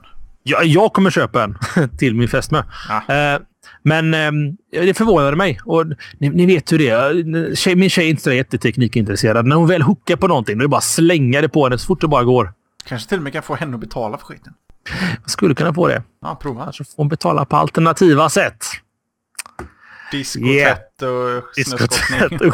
ännu, en, ännu ett manschauvinistiskt skämt i den här showen. Ja. All, till alla er tjejer som lyssnar, vi ber om ursäkt. Vi, vi är eh, äkta män på alla möjliga sätt. Vi är väldigt moderna i övrigt. Ja, jättemoderna. Ni skulle bara veta på alla möjliga sätt. Jeppe, jag vill berätta om mer saker som inte har med Apple att göra. Får jag göra det? Du, vi har redan passerat längsta avsnittet Eva Eva. Så att det är väl dumt att sluta nu. Kör på! Ni får er, er, er kompletta slashat-fix idag. Ni kan bara hoppa in och donera direkt, för det här är bättre än så här blir det inte. Um, Spotify har nått det smått fantastiska... Blub, ska hitta mina show notes. 250 000 betalande abonnenter. Ehm, det är alltså folk som har ett premiumkonto. Det är fantastiskt bra summor. Det ger alltså de här en månatlig inkomst på drygt 25 miljoner svenska kronor per månad. Och det här är helt exklusive annonsintäkter. Och man märker också det faktum att um, fler och fler större aktörer kommer till Spotify. Det, det är verkligen väldigt, väldigt, väldigt mycket um, populär reklam som hittar till Spotify. Och Det tycker jag är intressant, för jag gillar Spotify-konceptet faktiskt. Um, detta kommer segwaya snyggt in då till mitt andra ämne som jag skulle vilja nämna också. Uh, vi kommer diskutera om det. Och det är att det finns en alfa-version av Spotify till Jesper. XBMC! Jajamensan! Vår älskade gode vän Linux-professorn har faktiskt skrivit ett litet blogginlägg om det som ni kommer få en liten länk till där han har testat då den här alfa-versionen. Ni som inte är familjära med kodspråk så är alfa det som kommer innan beta. Man ska egentligen inte köra alfa-versioner brett, men det går väl någon trend att man släpper det så fort som möjligt. Vad det gör helt enkelt, det är att det seamlessly, för att använda mer amerikanska codingtermer, ehm, integrera sig in i en XBMC, Xbox Media Center-installation. Så att du går in under musik, väljer Spotify, söker på Jeppes favoritgrupp ABBA och voilà! Det är inte Jeppes favoritgrupp för övrigt. Där kommer alla Abbas album från, från Spotify rätt upp i Mumindalen, det vill säga XBMC, och det funkar alldeles utmärkt. Detta är någonting som har funnits för Plex under en längre tid. Um, Men nu kommer det äntligen till XBMC. Det har inte kommit än, men det är på G. Um, och det, det, jag blir exalterad för att vi har ett problem när jag har lite, när vi, när vi har fester här i mitt, vårt hus. Um, så, så måste vi dra fram det där riktigt, riktigt risiga YouTube-pluginet till XBMC. Ja, Så alla det ska få- banne mig inget vidare alltså. Nej, bara den här sökmotorn är ju under all kritik. All kritik. Det är så dåligt så att det går lika bra att söka på någonting random så har den större sannolikhet att hitta det du söker. Hur som haver, att få in Spotify här vore jätte, jätteintressant. Um, ehm, Linux-professorn rättar mig här och säger att det är inte en det är inte ett plugin än så länge. Man måste byta ut den binära filen. Man kan säga att det är den filen som kör XBMC. Så man, nu blir det tekniskt. Man kompilerar in den här funktionaliteten in i XBMC. Eh, men det funkar för Plex och det funkar jävligt bra för Plex som jag har förstått det. Spotify, jag vet att ni lyssnar. Kom igen nu. Släpp ett out of the box XBMC-plugin. Så, så, kommer ni så kommer jag aktivera mitt premiumkonto igen. Jag tror inte att det är deras största problem idag. De har ju tydligen enligt uppgift väldiga problem att ta sig in i USA. För inga skivbolag i USA förstår riktigt varför man ska streama musik så billigt. Eh, och jag förstår dem. Det är väl egentligen där de ska lägga energin på för att få, för att få igång Spotify på, på riktigt. För de går ju fortfarande back trots att de drar in eh, eh, nettas 25 miljoner i månaden. Det är en en del pengar som ska till artister. De behöver komma in på amerikanska marknaden. Så att, eh, jag förstår att de lägger krutet där. XBMC är fortfarande bara en en nischprodukt för, för oss geeks. Ehm, och vi är ju glada att eh, vi behöver ju fler saker där. Alla, alla te- svenska tv-kanalers play-funktioner vore ju kul att ha där också. Men eh, det, det där dröja, tyvärr. Och folk kommer ju... I XBMC menar du då? Play-kanalerna? Ja, precis. Det det finns ju plugins som gör detta. Men det är plugins som um, görs av tredje part som egentligen bara skrapar SVT Play-sidan. Och Det gör att det, så fort de ändrar något litet eh, göttigt till i koden på SVT Play så, så slutar det här pluginet att funka. Så att ehm, eh, det här är framtiden. Mediacenter är utan tvekan framtiden. Vi kommer att ha en konsoliderad enhet som står under våran tv som sköter allt det här. I bästa fall, den nya trenden som kommer, det är just det att man får mediacentret i tvn. Är det Samsung, Jeppe, som börjar leka med lite inbyggda datorer i tvn? Ja, de, har, de ska ju öppna upp API så att man kan utveckla. De skaffar ju sin egna App Store så du ska kunna få in program i tvn direkt. Jag vill bara värt att nämna också att eh, det här Spotify-grejen till XBMC var väl också en tredjepartsgrej, va? Eh, korrekt. Ja. Det, det kanske är värt att nämnas. Så att det är Ja. ingenting de sitter och lägger effektiv tid på. på Men Spotify det själva. borde de göra. Fast borde de inte se till att få ut Spotify i hela världen först? Nej! Eller jo, okej, kanske utifrån ett ekonomiskt synvinkel. Men utifrån min För sin synvinkel... egen fortne- fortlevnads skull.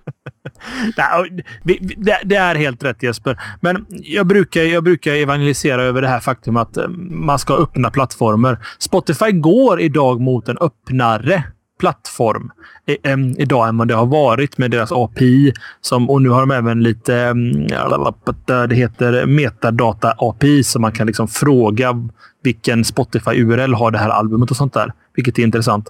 Men vad vad jag vill komma till är att de måste ju se vikten i att jag och min vänskapskrets vill få chans att lyssna på Spotify i tvn på festen. Ehm, man har inte, kanske inte en laptop eller en iPad tillgängligt. Då vill man ju ha det i sitt mediacenter. Jag hoppas att de börjar tänka i de banorna och faktiskt släpper något, något officiellt för XBMC, för Plex. Plex har väl också en ful lösning eh, kan jag tänka mig. Eh, för Windows Media Center, för hela konkarongen helt enkelt. Men jag ville nämna det. Det är alfa. Och jag vill inte säga för mycket, men jag försöker gräva fram den här utvecklaren och försöka få en liten intervju med honom till Slashat. Tror han är svensk. Men jag ska inte säga för mycket. Vi vet inte om han vill vara med ens. Han kanske är hemlig. Vad vet du Jesper? Jag vet inget. Nej, men någonting vet du. Jag vet att eh, Slashat har slått eh, längdrekord. För Ja. första gången. Så här långt i alla fall. Eh, det är väl hög tid för oss att runda av här. Ska vi se om vi kan få med all information. Slashat finns ju på slashat.se. Ni följer oss på tisdagar 20.00 på live.slashat.se. 19.30 ehm, börjar försnacket. Vi finns på twitter.com slashat. Ni hittar även oss individuella eh, personer på twitter.com tommynu. Tommy no. Tommy nu. Eh, ni hittar mig på Jesper Soderlund. Sen så har vi då öppnat våran eh, donationssida för er som känner att eh, slashat, eh, jag tycker om er, eh, jag vill vara med och stödja oss. Vi har ändå slängt ut lite deg på lite mikrofoner här och har för avsikt, avsikt att eh, ja, vi tar ändå det här hobbyn på, på allvar och den som vill hjälpa till är hjärtligt välkomna att göra så. Slashat.se donera så kan ni hjälpa till helt enkelt. Exakt. Och som vi alltid har sagt när det gäller ekonomin i det här programmet. Det, det finns inga storslagna ekonomiska planer på något sätt. Men vi, vi, vi växer så det knakar. Jag menar, som vi pratade om, 8000 lyssnare förra veckan. Vi kanske ska börja kolla på en bättre CDN. Våra servrar går på knäna som det är. Eh, vi köpte in mickar. Ni vet, det är alltid fint. Vi ser det som en spargris för showen. Det här är inte ett sätt för oss att få gratis öl. Det får vi ändå. Uh, på andra vägar, tänkte jag säga. Vi får ingen gratis. gratis jag betalar för min. Var får du din ifrån? Men fick inte du Heineken-sponsringsavtalet? Nej. Nej. Jag vill också ha. Nej, så jag försökte komma till...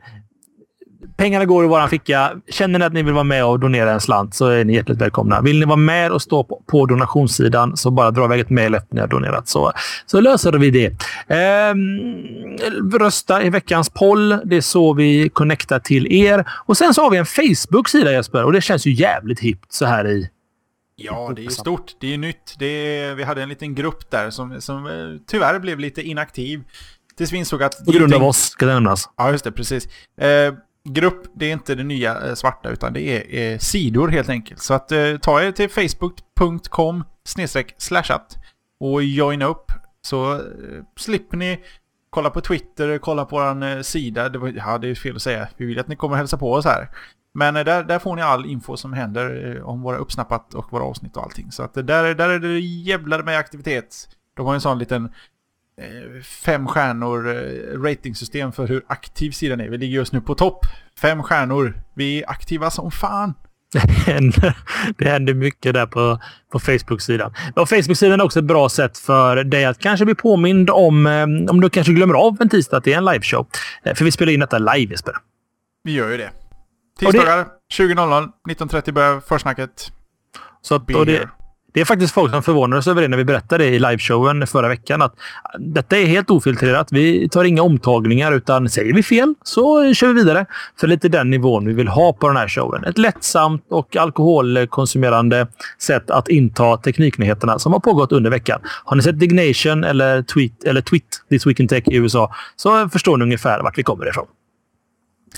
Och med de orden tycker jag att eh, vi rundar av avsnitt 46 av Slashat. Jag tycker vi ses allihop här om en vecka på tisdag. Så får ni ha det så gott tills dess. Ni har lyssnat på Slashat. Adjöken! Adjö. Slashat.